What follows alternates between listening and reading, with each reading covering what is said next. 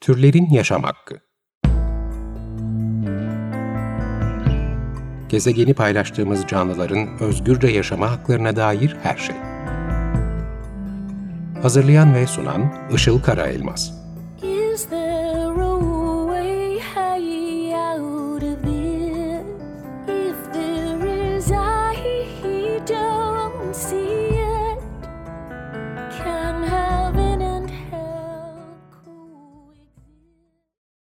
Merhabalar, 94.9 Açık Radyo'dasınız. Türlerin Yaşam Hakkı programı başladı. Ben Işıl Karaelmaz. Programı evden kaydetmeye devam ediyoruz. Teknik Masada da Ömer Şahin ve Selahattin Çolak yayını hazırlayarak size ulaştırıyorlar. Şimdi geçtiğimiz hafta sonu Türkiye'de ilk defa pandemi sebebiyle iki günlük sokağa çıkma yasağı deneyimledik. Evlerde otururken çoğumuz sanırım şunu hissetmiştir. Şehirde şimdiye kadar belki de hiç yaşamadığımız bir sessizlik hakimdi bu hafta sonu. Bulunduğunuz yerde bir de ağaçlar varsa kuş seslerini normalden çok daha fazla duymuş olabilirsiniz. Tabii bu yaşadığımız şehirdeki sessizlik durumu aslında hali hazırda sürekli bir sokağa çıkma yasağı uygulanan ülkelerde de yaşanıyor ve bunun bazı ilginç sonuçları oluyor. Ee, şöyle ki İngiltere'de sismologlar şunu tespit ediyorlar. İnsan aktivitesinin azalmasıyla sismograflar çok daha küçük ölçekli yer kabuğu hareketlerini ve daha uzak mesafelerdeki hareketleri ölçebilmeye başlamış. Ee, The Guardian'da Ian Sample'ın makalesinde bahsediliyor bundan.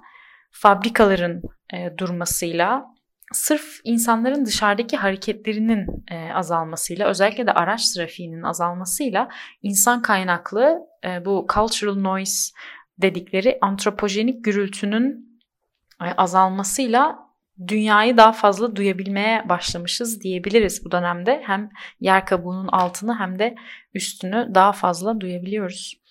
Şimdi bugün de bu yaşanan olağanüstü haftaların hatta ayların dünya açısından, doğa ve türler açısından nasıl sonuçları olduğuna bakmaya devam edeceğiz. Bundan 3 hafta önce de benzer bir konuyu ele almıştım modern dünyada hiç yaşanmamış bir şey oluyor ve bu olurken dünyanın farklı yerlerinde de doğa hiç beklemediğimiz ve şaşırdığımız yanıtlar veriyor bu duruma.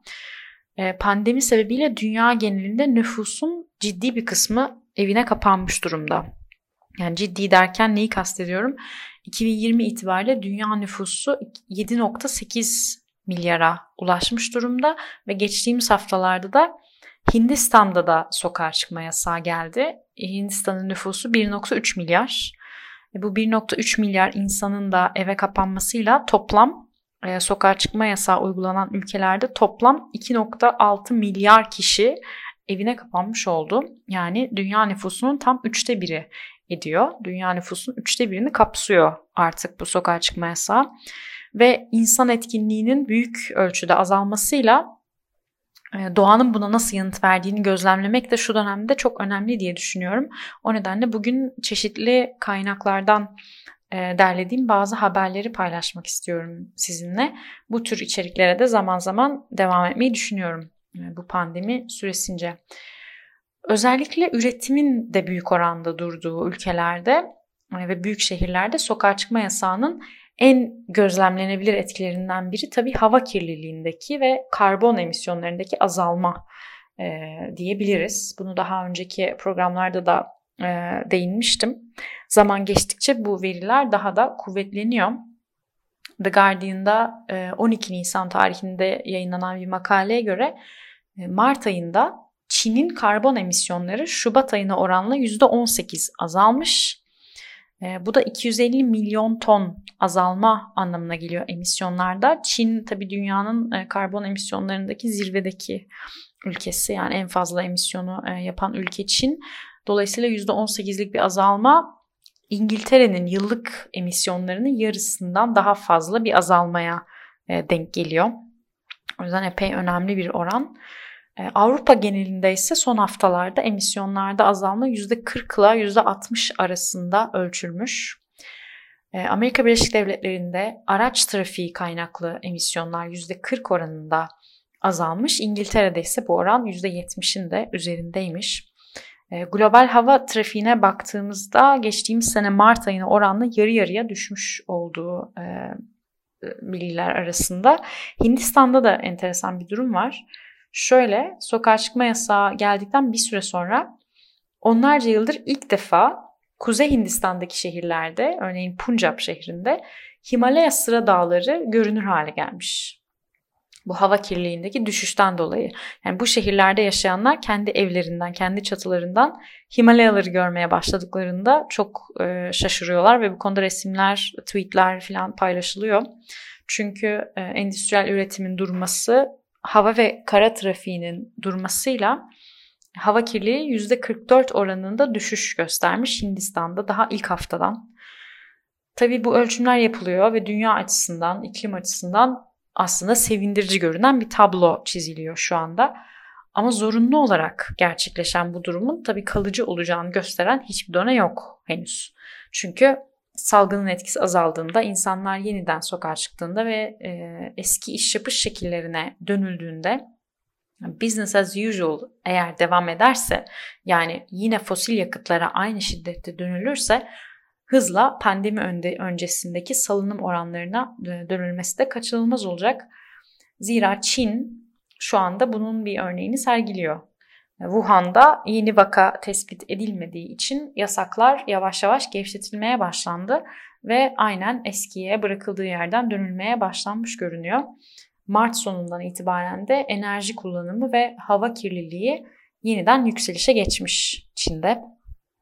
Dolayısıyla hangi ülkelerin bu durumdan e, ders alıp almayacağı, bu pandeminin enerji politikalarında kalıcı bir etki yaratıp yaratmayacağını söylemek için henüz çok erken. Dünya mutlaka bir nefes alıyor şu anda. Hatta birkaç ay içinde eskiye dönülse bile 2020 e, toplam emisyonları için önemli bir farkın oluşacağı hesaplanıyor şimdiden. Çünkü hesaplamalara göre fosil yakıt sektörü kaynaklı küresel karbon emisyonlarında %5 oranında bir azaltım öngörülüyor. Bu da emisyonların 2,5 milyar ton kadar düşmesine e, neden olabilir deniyor. Bu da 2008-2009 ekonomik krizinden bu yana ilk defa yaşanan e, bir düşüş durumu emisyonlarda. Fakat hükümetler enerji politikalarını değiştirmedikleri sürece sevinmek için de henüz çok erken deniyor. E, kalıcı olabilmesi için pandemi sonrasında fosil yakıtlara aynı şekilde geri dönülmemesi için, yenilenebilir enerjiye geçilmesi için bu konudaki ısrarın, e, talebin ve hükümetlerin üstündeki baskının da devam etmesi gerekiyor gibi görünüyor. İklimi ilgilen durum e, özetle bu şekilde. Bugün bir de dünyanın farklı yerlerinden e, derlediğim farklı hayvan türlerine dair haberlere geçeceğim. Ama önce bir şarkı arası verelim. Bugün iki, iki şarkı çalmayı planlıyorum. İlk çalacağım şarkı Nova Norda'dan e, gelecek. Nova Norda Zor. Yine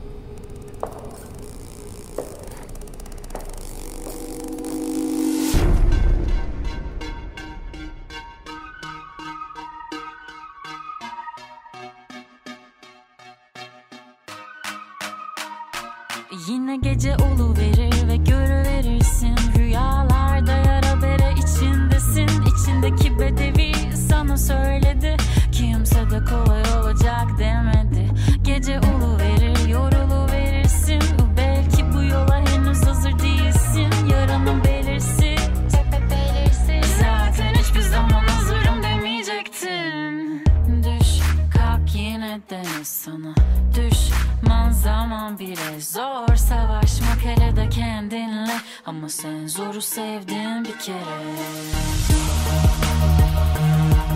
Ama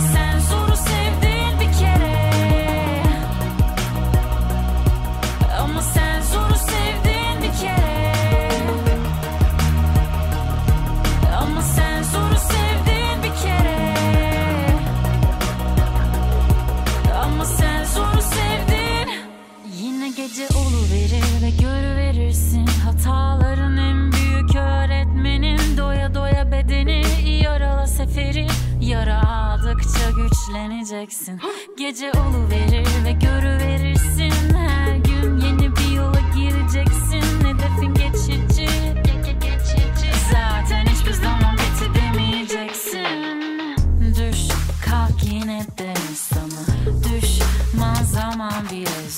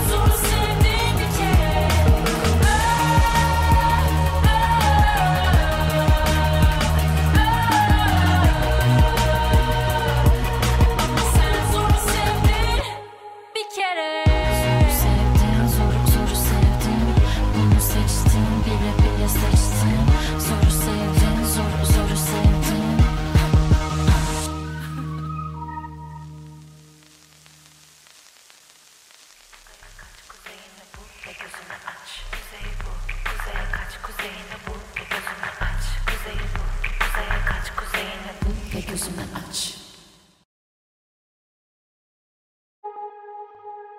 Zoru sevdin, zoru zoru sevdin Bunu seçtin, bile bile seçtin Zoru sevdin, zoru zoru sevdin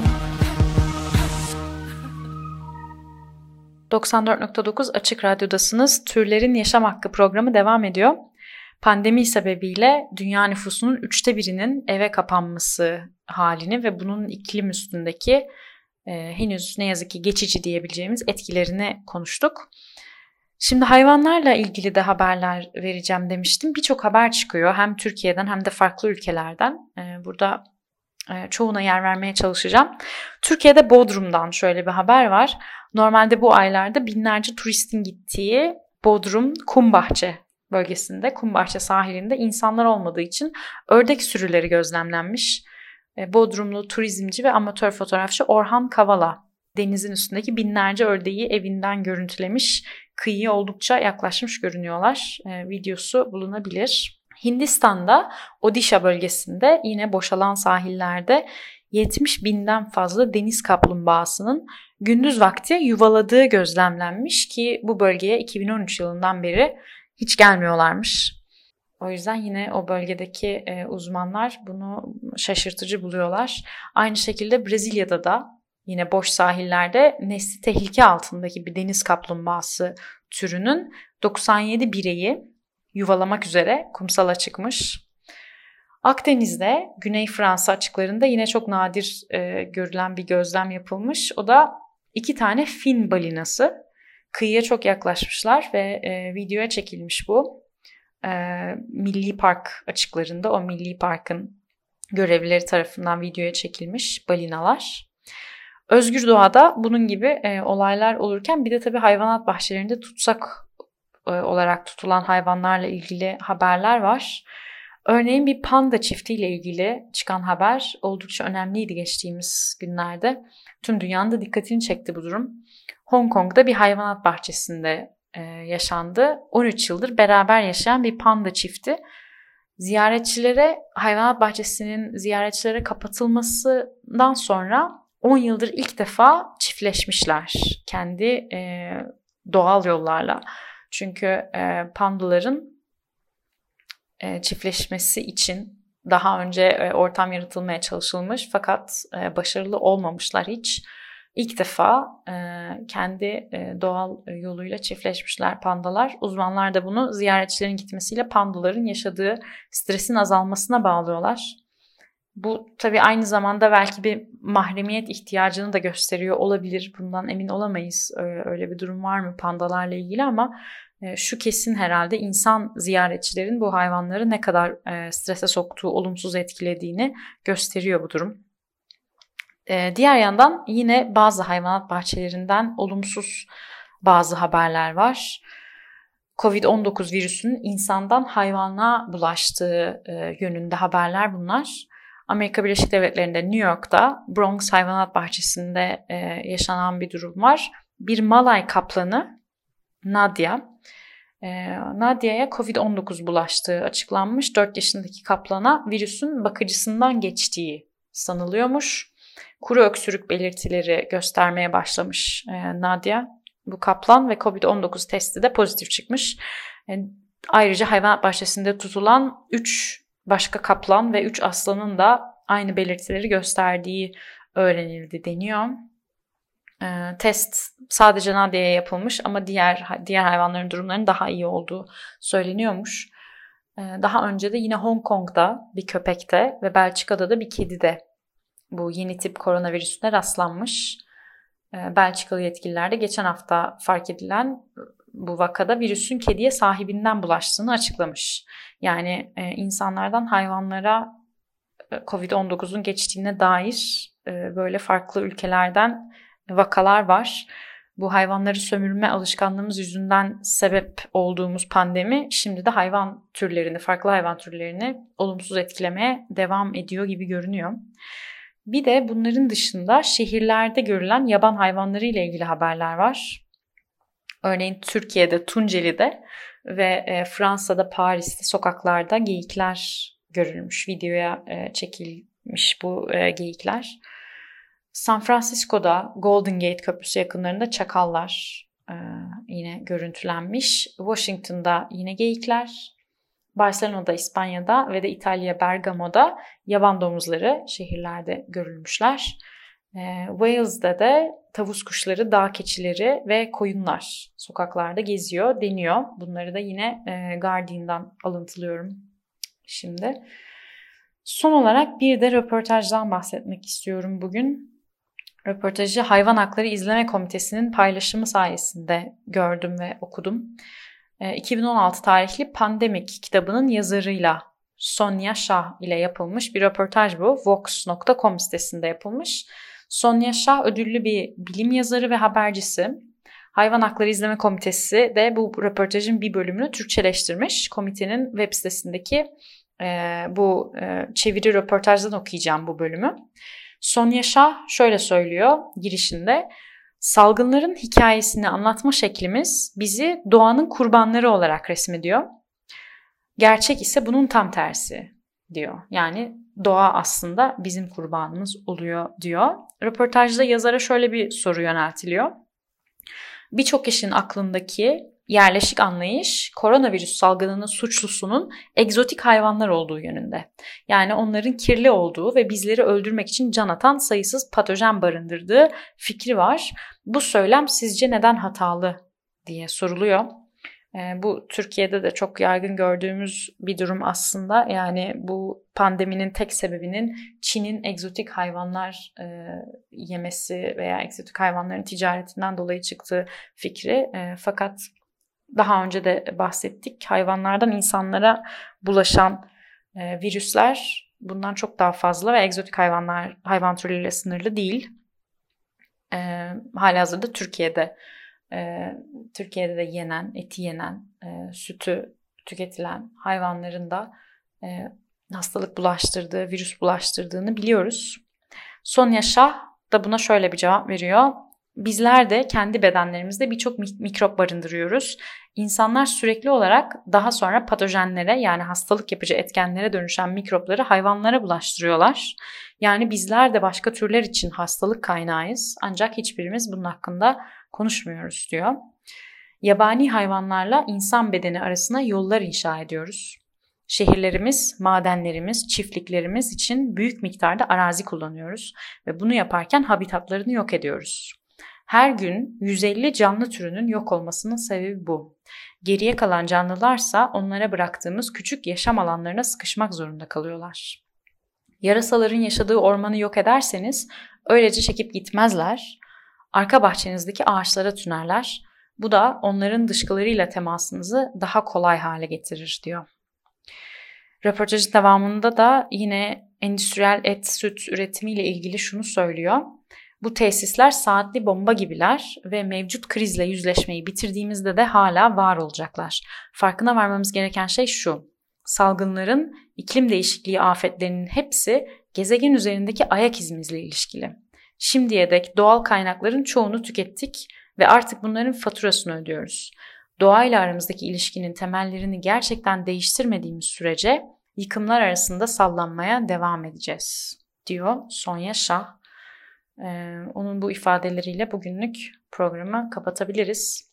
94.9 Açık Radyo'da Türlerin Yaşam Hakkını dinlediniz. Ben Işıl Karaelmaz. E-mailim isilkaraelmaz.gmail.com Programla ilgili yorumlarınızı, önerilerinizi e-mail olarak her zaman bekliyorum. Ve son olarak bugün için seçtiğim ikinci şarkıyla kapatalım. Lara di Lara, Hayvanlar Alemi dinleyeceğiz birazdan. Dinlediğiniz için çok teşekkür ederim. Haftaya görüşmek üzere. Kaybetti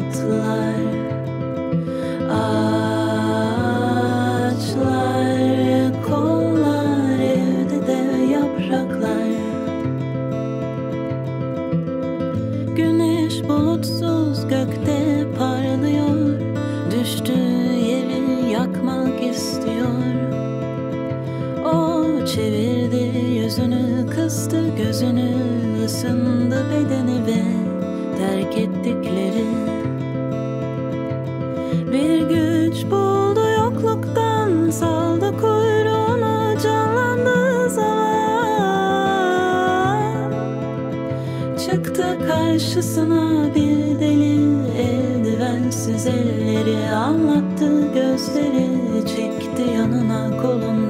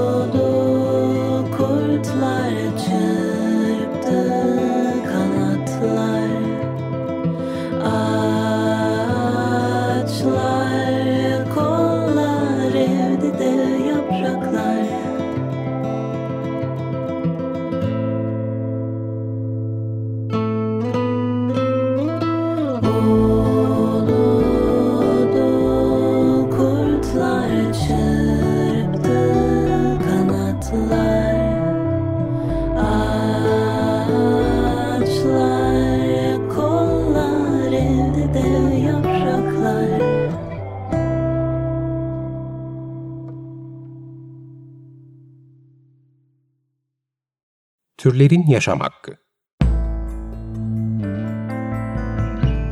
Gezegeni paylaştığımız canlıların özgürce yaşama haklarına dair her şey.